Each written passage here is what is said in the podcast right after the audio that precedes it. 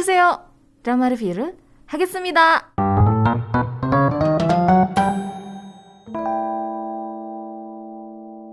Sekarang saatnya untuk aku bahas satu buah drama yang berjudul The Golden Spoon. Ini drama yang didirect oleh Song Hyun Wook yang sebelumnya pernah mendirect drama The Kings of Action. Ini tuh yang dibintangin sama Rowoon. Rowoon SF9, terus ada uh, Park Eun Bin sama Nam Yoon Soo. Terus drama lainnya yang pernah didirect oleh Song Hyun Wook adalah Undercover, kemudian Graceful Friends, uh, The Beauty Inside, Re uh, Revolutionary Love, My Shy Boss, Another Miss Oh, Marriage Not Dating, um, um, um, um, um, dan lain-lain. Ya, ini dramanya cukup banyak yang aku tontonin sih ya. Dan nanti juga dia ada project lagi di tahun 2023. Ini tuh drama yang dibintangin sama Kim So Hyun yang diambil dari webcomic juga gitu nanti 2023. Oke, okay, terus kalau untuk penulisnya, ini ada tiga penulis, yaitu satu penulis dari webcomicnya, GPO4FB. Ini pasti nama pena karena namanya agak unik. Terus ada Yoon Eun Kyung sama Kim Eun Hee. Yoon Eun Kyung sebelumnya menulis drama The Prime Minister and I ini dibintangin sama Yuna tahun 2013. Udah lama banget. Terus My Fair Lady tahun 2009. Oh my god. Uh, Winter Sonata tahun 2002. Wow, ini drama-drama legend nih. Sementara kalau Kim Eun Hee itu sebelumnya juga sama The Prime Minister and I uh, terus My Fair Lady Winter Sonata juga gitu. Jadi mereka kayak collab uh, akhirnya dari terakhir berarti mereka nulis itu 2013 2014 baru nulis lagi sekarang The Golden Spoon. Wow. Drama ini uh, networknya sebenarnya NBC cuman kalau misalnya kamu pengen nonton dramanya tersedia di Disney Plus ya Episode ada 16 tayangnya dari tanggal 23 September sampai nanti tanggal 20 uh, 20 lagi 12 November 2022 ya. Um, so far sampai saat ini belum tamat berarti masih ongoing aku nontonnya. Drama ini diperanin sama Yuk Sung Jae yang berperan sebagai Lee Sung Chan. Dia di sini jadi satu siswa yang kehidupan perekonomiannya sulit banget lah. Dia uh, berjuang sekali dengan uang gitu. Terakhir dia itu main di tahun 2020 Mystic Pop Up Bar. Cuman ini aku nggak gitu nontonin, cuma nonton di awal doang untuk dibahas. Terus dia uh, ada di Goblin ya tahun 2016 itu yang nggak pernah bisa aku lupain karakternya. Terus dia ada di Who Are You School 2015 bareng-bareng sama Nam Jo Hyuk juga di sana. Uh, dia jadi second leadnya by the way di 2015 ini school ya. Terus dia ada di Reply 1994, terus Monstar juga dia main di sana, sama ada satu lagi The Village Akiara Secret. Ini tuh yang film horror yang ngaget-ngagetin gitu loh. itu juga sama sih aku nggak beres nontonnya. Next, ada Lee Jong Won berperan sebagai Hwang Taeyong. Nah ini kebalikan dari Lee Seung Chon. Hwang Taeyong itu lahir dari keluarga yang super duper kaya banget, tapi di balik kekayaannya ternyata dia menyimpan banyak banget trauma gitu. Uh, Lee Jong Won, aku pas nonton tuh kayak uh, dia siapa ya gitu kayak pernah lihat di drama apa ya? Setelah dicek-cek gitu, dia tuh main di Hospital Playlist yang kedua. Jadi salah satu dokter. Uh, aku inget yang nanganin pasien kecelakaan atau apa ya, yang akhirnya harus nyebutin uh, time of death tapi dia nggak bisa nyebutin gitu. Itu yang di akhir-akhir deh yang akhirnya uh, si dokter-dokter yang lima itu uh, kenapa lupa sih namanya? Ya Jujung Suk dan kawan-kawan jadi ngebahas soal gimana mereka waktu zaman dulu gitu. Awal-awal ketika mereka uh, harus nyebutin time of death gitu. Ada yang nggak tahan sampai nggak kuat gitu sampai akhirnya nggak bisa nyebutin dan nangis. Ada yang nyebutin tapi by the end lari ke kamar mandi terus nangis sepuasnya. Ya itu pasti sulit ya gitu. Ya itu aku ingat banget adegan itu. Terus dia main juga uh, Lee Jong Won itu main di The Spies Who Love Me. Terus dia ada di di The School Nurse Files, um, terus di My Unfamiliar Family, sama di Double X. Itu untuk Lee Jong Won. Berikutnya ada Jung Chaeyeon yang berperan sebagai Na Juhi. Jung Chaeyeon ini digambarkan sebagai uh, tunangannya Hwang Taeyong, teman masa kecilnya, tapi akhirnya keluarganya mutusin untuk dijodohin aja supaya bisa merger bisnis ya. Biasa kalau orang-orang kayak di drama-drama Korea, rata-rata gitu dijodohin gara-gara uh, masalah bisnis. Cuman Na Juhi ini tipikal anak yang uh, punya keinginan yang kuat dan dia nggak pengen bergantung sama kekayaan orang tua. Makanya di drama ini dia tuh part time juga di satu supermarket bareng-bareng sama Isang Chon. Uh, Jung Chaeyeon ini hmm, member grup Daya. Sebelumnya pernah bergabung di IOI. Kalau untuk filmnya ataupun drama, film itu dia pernah main di tahun 2018 Love Again, tapi ini aku nggak nonton. Kalau untuk drama dia terakhir itu main di The King's Affection, terus dia ada di My First Love yang satu dan dua, uh, Marry Me Now, Into the World Again, sama Drinking Solo. Ya, My First First Love itu yang mana ya? Oh ini aku nggak nonton. Ini tuh diperanin sama Jisoo, ada Jin Young, ada Cherry, ada Kang Tae-oh. Cuman aku nggak nonton. Satu dan duanya aku nggak nonton.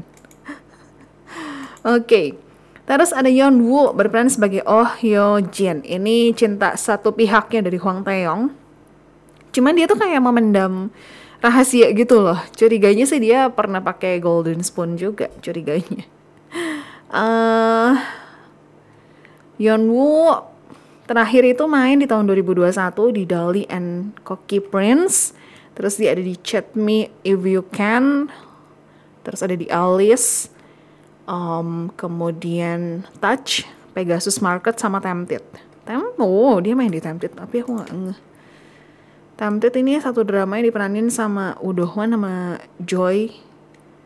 Um, cuman nggak tahu dia jadi apanya nggak ngeh, belum ngeh gitu. Ya. Yeah.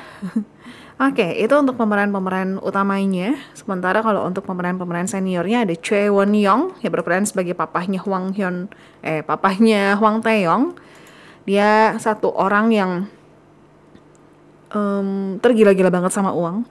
Dia lebih mementingkan uang daripada anaknya. Dia itu aku ingetnya dia ada di ini di The Hairs ya jadi guru private-nya Kim Tan kan. Terus dia main lagi di mana ya aku inget ya? Warang. Kemudian Sky Castle dia main di sana juga. Terus uh, Mystic Pop Up Bar juga dia main. Alice, Youth of May, Reflection of You, terus Moonshine dan lain-lain. By the way, selain The Golden Spoon, saat ini juga drama dia ada satu lagi yang lagi tayang yaitu Under the Queen's Umbrella. Ya, gitu. Kalau untuk Choi Won Young. Kalau untuk yang jadi papahnya Lee Seung Chon itu adalah Choi De Chul uh, dia kepala keluarga yang punya cita-cita pengen jadi seorang penulis webtoon. Cuman masih belum terpenuhi cita-citanya dan dia struggling banget soal keuangan ditagi-tagi sama uh, apa sama penagih hutang lah gitu. Dia cukup ini banget hidupnya keras banget. Tapi dia seorang papa yang sayang banget sama keluarga yang rela ngorbanin apa pun demi keluarganya. Terakhir dia itu muncul di drama If. Terus dia ada di Crazy Love. Sebenarnya 2022 oh, dramanya ada beberapa ya. Crazy Love, Hope or Dope 1 dan 2 terus uh, ada di Eve sama Golden Spoon. Uh, sebelumnya ada di Inspector Gu terus Revolutionary Sister Born Again uh, Psychopath Diary kemudian Vagabond uh, My Fellow Citizen terus My Shy Boss, Love in the Moonlight, The Time We Were Not in Love, Who Are You School 2015. Ah, dia yang jadi salah satu gurunya, pantesan kayak gak gitu asing ya. Dia pernah main di situ. Ya, kurang lebih pemerannya itu ya. Um, drama ini diadaptasi dari webcomic yang dirilis di tanggal 11 Juni 2016 sampai 16 Juni 2018 di Never. Nyeritain tentang seorang siswa yang berjuang banget di tengah himpitan perekonomian yang sulit. Namanya Lee Seung Chon yang tadi diperanin sama hmm, Yuk Sung Jae ya. Dia itu anak yang rajin, cerdas juga sebenarnya. Cuman karena dia terlahir dari keluarga miskin, orang tuanya tuh nggak mampu membiayai les tambahan. Jadi dia harus berjuang mati-matian sendirian. Terus sebagian besar waktunya juga habis dengan kerja part time supaya bisa menuhin kebutuhan keluarganya sehari-hari gitu. Karena kan papahnya ngejar cita-cita sebagai seorang penulis webtoon. Jadi anak-anaknya lah yang akhirnya part time untuk kerja gitu. Iseng Chan itu berhasil masuk ke SMA Seoul Jail, sekolah menengah atas yang bergengsi di Korea. Nah ini tuh ya satu sekolah yang um, kelihatannya serem banget. Kenapa? Satu karena isinya orang-orang kaya semua. Terus kelas-kelasnya tuh bener-bener kerasa banget. Udah kepisah gara-gara kaya tingkatan ekonomi gitu. Ini kepisah, dipisahin lagi gitu. Ada kelas khusus gitulah pokoknya. Uh, nah sama kayak di drama-drama Korea tentang si kaya dan si miskin gitu yang tadi udah sempat aku mention juga. Song Chon itu dibully karena kemiskinannya. Dia disuruh ngerjain tugas siswa lain, dia diancam, dia dipukulin, terus dibayar sesuai dengan jumlah pukulan yang dia terima. Udah gitu dibayarnya pun dikasih uangnya dengan uh, si uangnya tuh diremes terus dilempar ke bawah gitu. Harus yang ambil sendiri gitu kan kayak miris banget ya. Mau manusia digituin gitu. Uh, terus yang bikin lebih sedih lagi adalah dia nggak bisa ngebales sama sekali ketika dia dibully. Kenapa? Karena dia miskin. Soalnya kayak seolah-olah tuh karena kamu miskin, kamu harus terima aja. Kamu nggak punya hak untuk ngebales karena kamu miskin gitu. Seolah digambarinnya seperti itu. Kalau berani ngebales, ingat kamu tuh nggak punya uang buat sewa pengacara. Sementara si kaya dengan gampangnya kalau terlibat masalahnya tinggal telepon, pengacara datang masalah beres gitu. Nah, sampai satu kali, Seng Chon ini ketemu sama seorang nenek pedagang yang nawarin sebuah sendok emas. Ini cukup unik sih. Itu sendok tuh dibungkus uh, kotak kayu vintage gitu lah. Warnanya emas bener. Nenek ini bilang kalau sendok ini bisa mengubah hidup Seng Chon kalau dia makan di rumah orang kaya sebanyak tiga kali. Dia bisa nukar kehidupannya dengan si orang kaya itu. Tapi perlu diingat, kalau mau nukar hidupnya berarti Seng Chon harus siap kehilangan keluarganya, dan berganti identitas baru sebagai keluarga kaya. Sang Chon yang awalnya nggak percaya, cuman gara-gara keseringan dibully, dia udah nggak tahan banget, terus dia juga harus kehilangan sahabatnya yang meninggal uh, gara-gara kemiskinan juga gitu. Ini juga sedih juga pasiennya. Akhirnya dia mulai coba cari cara untuk um, gimana caranya dia bisa makan di rumah Wang Taeyong, anak paling kaya di SMA Seoul Jail. Dia cari cara gimana lah gitu pokoknya mau itu dihina dia malu segala macam pokoknya dia paksain dan uh, sendok emas ini itu cuma ngasih ke tiga kali kesempatan yaitu kesempatan yang pertama satu bulan terus satu tahun sama 10 tahun terus ada syarat tambahannya kayak di uh, di hari ulang tahun gitu itu nggak boleh ketemu dengan orang tua asli jadi pas kebetulan Wang Taeyong sama Seng Chon itu ulang tahunnya sama tanggalnya dan bulannya gitu ya. nah ceritanya sebenarnya kurang lebih kayak gitu tapi semakin kamu nonton, semakin banyak hal-hal yang ternyata bisa digali dari drama ini. Nggak cuma tentang gimana Song Chon yang akhirnya berhasil tukar nasib mencoba untuk bertahan di keluarga yang baru gitu. Uh, karena memang identitas mereka berubah. Tapi ternyata skill dan kebiasaan dari masing-masing tuh nggak berubah sama sekali. Misalnya nih Huang Taeyong yang bisa main piano, sementara Song Chon nggak bisa. Terus Wang Taeyong yang nggak bisa minum kopi atau teh, pokoknya dia anti kafein banget. Sementara Sang Chon bisa. Nah ini yang bikin orang-orang di sekitarnya jadi kebingungan dan mulai curiga gitu. Karena tiba-tiba uh, begitu udah switch, hah kok Taeyong minum kopi gitu. Tiba-tiba minta minta dianterin kopi ke kamarnya. Terus uh, ketika ulang tahun lagi perayaan gitu biasanya Taeyong bakalan mainin satu lagu yang jadi kesukaan dia. Uh, terus begitu disuruh ini kebingungan gitu, hah suruh main piano jadi walaupun memang mereka bertukar tempat, bertukar identitas, tapi kayak ingatan mereka tentang orang-orang yang di sekitar mereka itu um, ada sama sekali gitu. Walaupun ada cuma tipis-tipis lah. Makanya Seng Chon pas jadi Huang Taeyong, oh itu PR banget dia harus ngafalin uh, klien-klien papahnya gitu ya, orang-orang yang kerja sama papahnya. Dan lain-lain pokoknya kehidupan Taeyong akhirnya kebongkar se-complicated itu pendengar. Di film ini juga ada beberapa hal yang bikin penasaran ya. Misalnya di salah satu scene itu ada seseorang yang cari si nenek tua pedagang dan cari sendok emas. Dia tuh kayak mana sendok emas, mana sendok emasku gitu. Nah, berarti kan dari sini kita bisa lihat gitu, kalau Sang Chon itu bukanlah orang pertama yang ngegunain sendok emas ini. Berarti sebelumnya ada yang pernah pakai kan? Nah, cuman harus diingat setiap pilihan yang diambil pasti ada akibat yang harus ditanggung kan. Kalau dilihat dari orang yang cari-cari sendok emas ini, kelihatannya hidupnya malah berakhir dengan mengerikan gitu. Terus jadi sedikit penasaran gimana akhirnya dengan Seng Chon. Ini aja aku nonton udah sampai episode yang keempat apa yang kelima gitu. Udah mulai berasa gitu Seng Chon walaupun hidup dikelilingi harta gemilang ya. Banyak banget hartanya dia bisa dengan gampang beli apartemen, beli apa, beli apa segala macam gampang banget. Tapi di other side dia mulai ngerasa kesepian. Dia mulai kangen sama keluarganya, canda tawa keluarganya gitu uh, apa keluarga yang lebih hangat dibandingkan dengan keluarganya Teong yang bener-bener heh complicated dan saling nusuk gitu loh ya terus Teong juga nih ya yang seperti aku bilang gitu walaupun hidupnya kelihatan bahagia di luar dia anak satu-satunya, dia punya keluarga yang komplit gitu ya. Cuman ternyata dia tuh memendam trauma yang sangat berat. Sampai bikin dia ketergantungan sama obat penenang.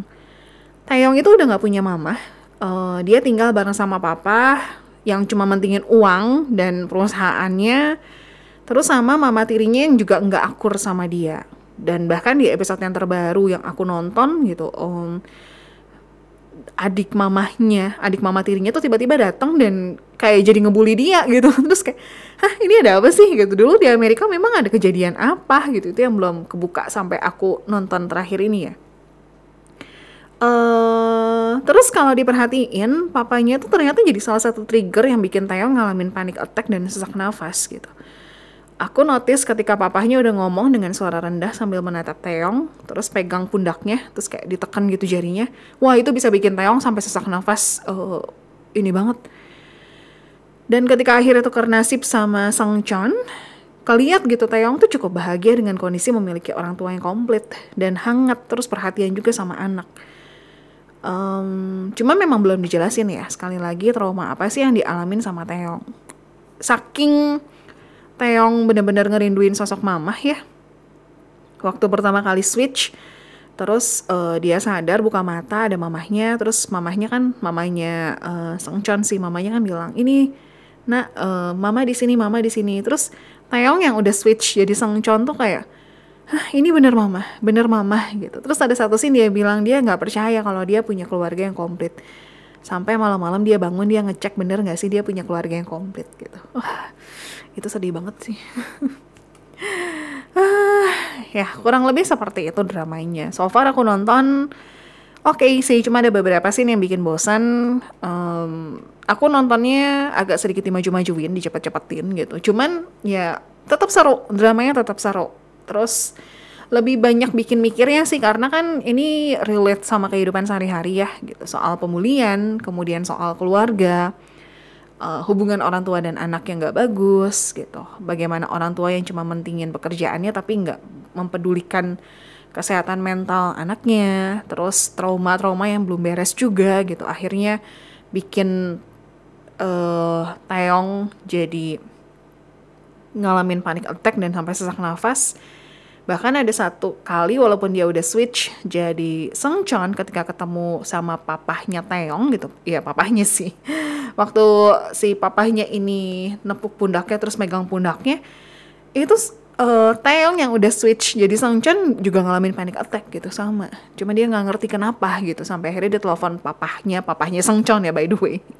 Mungkin agak sedikit pusing ya ini Seng Chon Taeyong karena kan eh, memang duanya uh, mereka berdua switch gitu tuh keren kan telepon papanya Sang Chon uh, terus papahnya juga panik bingung ini anaknya kenapa gitu ya uh, cuman dilihat dari penanganannya beda jauh ya beda jauh banget papahnya Sang Chon berhasil menenangkan Taeyong yang lagi berubah jadi Sang Chon ini uh, dengan kata-kata gitu bukan dengan obat-obatan tapi kayak ayo nak nafas nak papa di sini ayo tarik nafas buang nafas sambil dipegangin sambil dielus-elus gitu dan itu uh, berhasil gitu ya Kurang lebih seperti itu dramanya. Kalau kamu pengen nonton, tersedia di Disney Plus.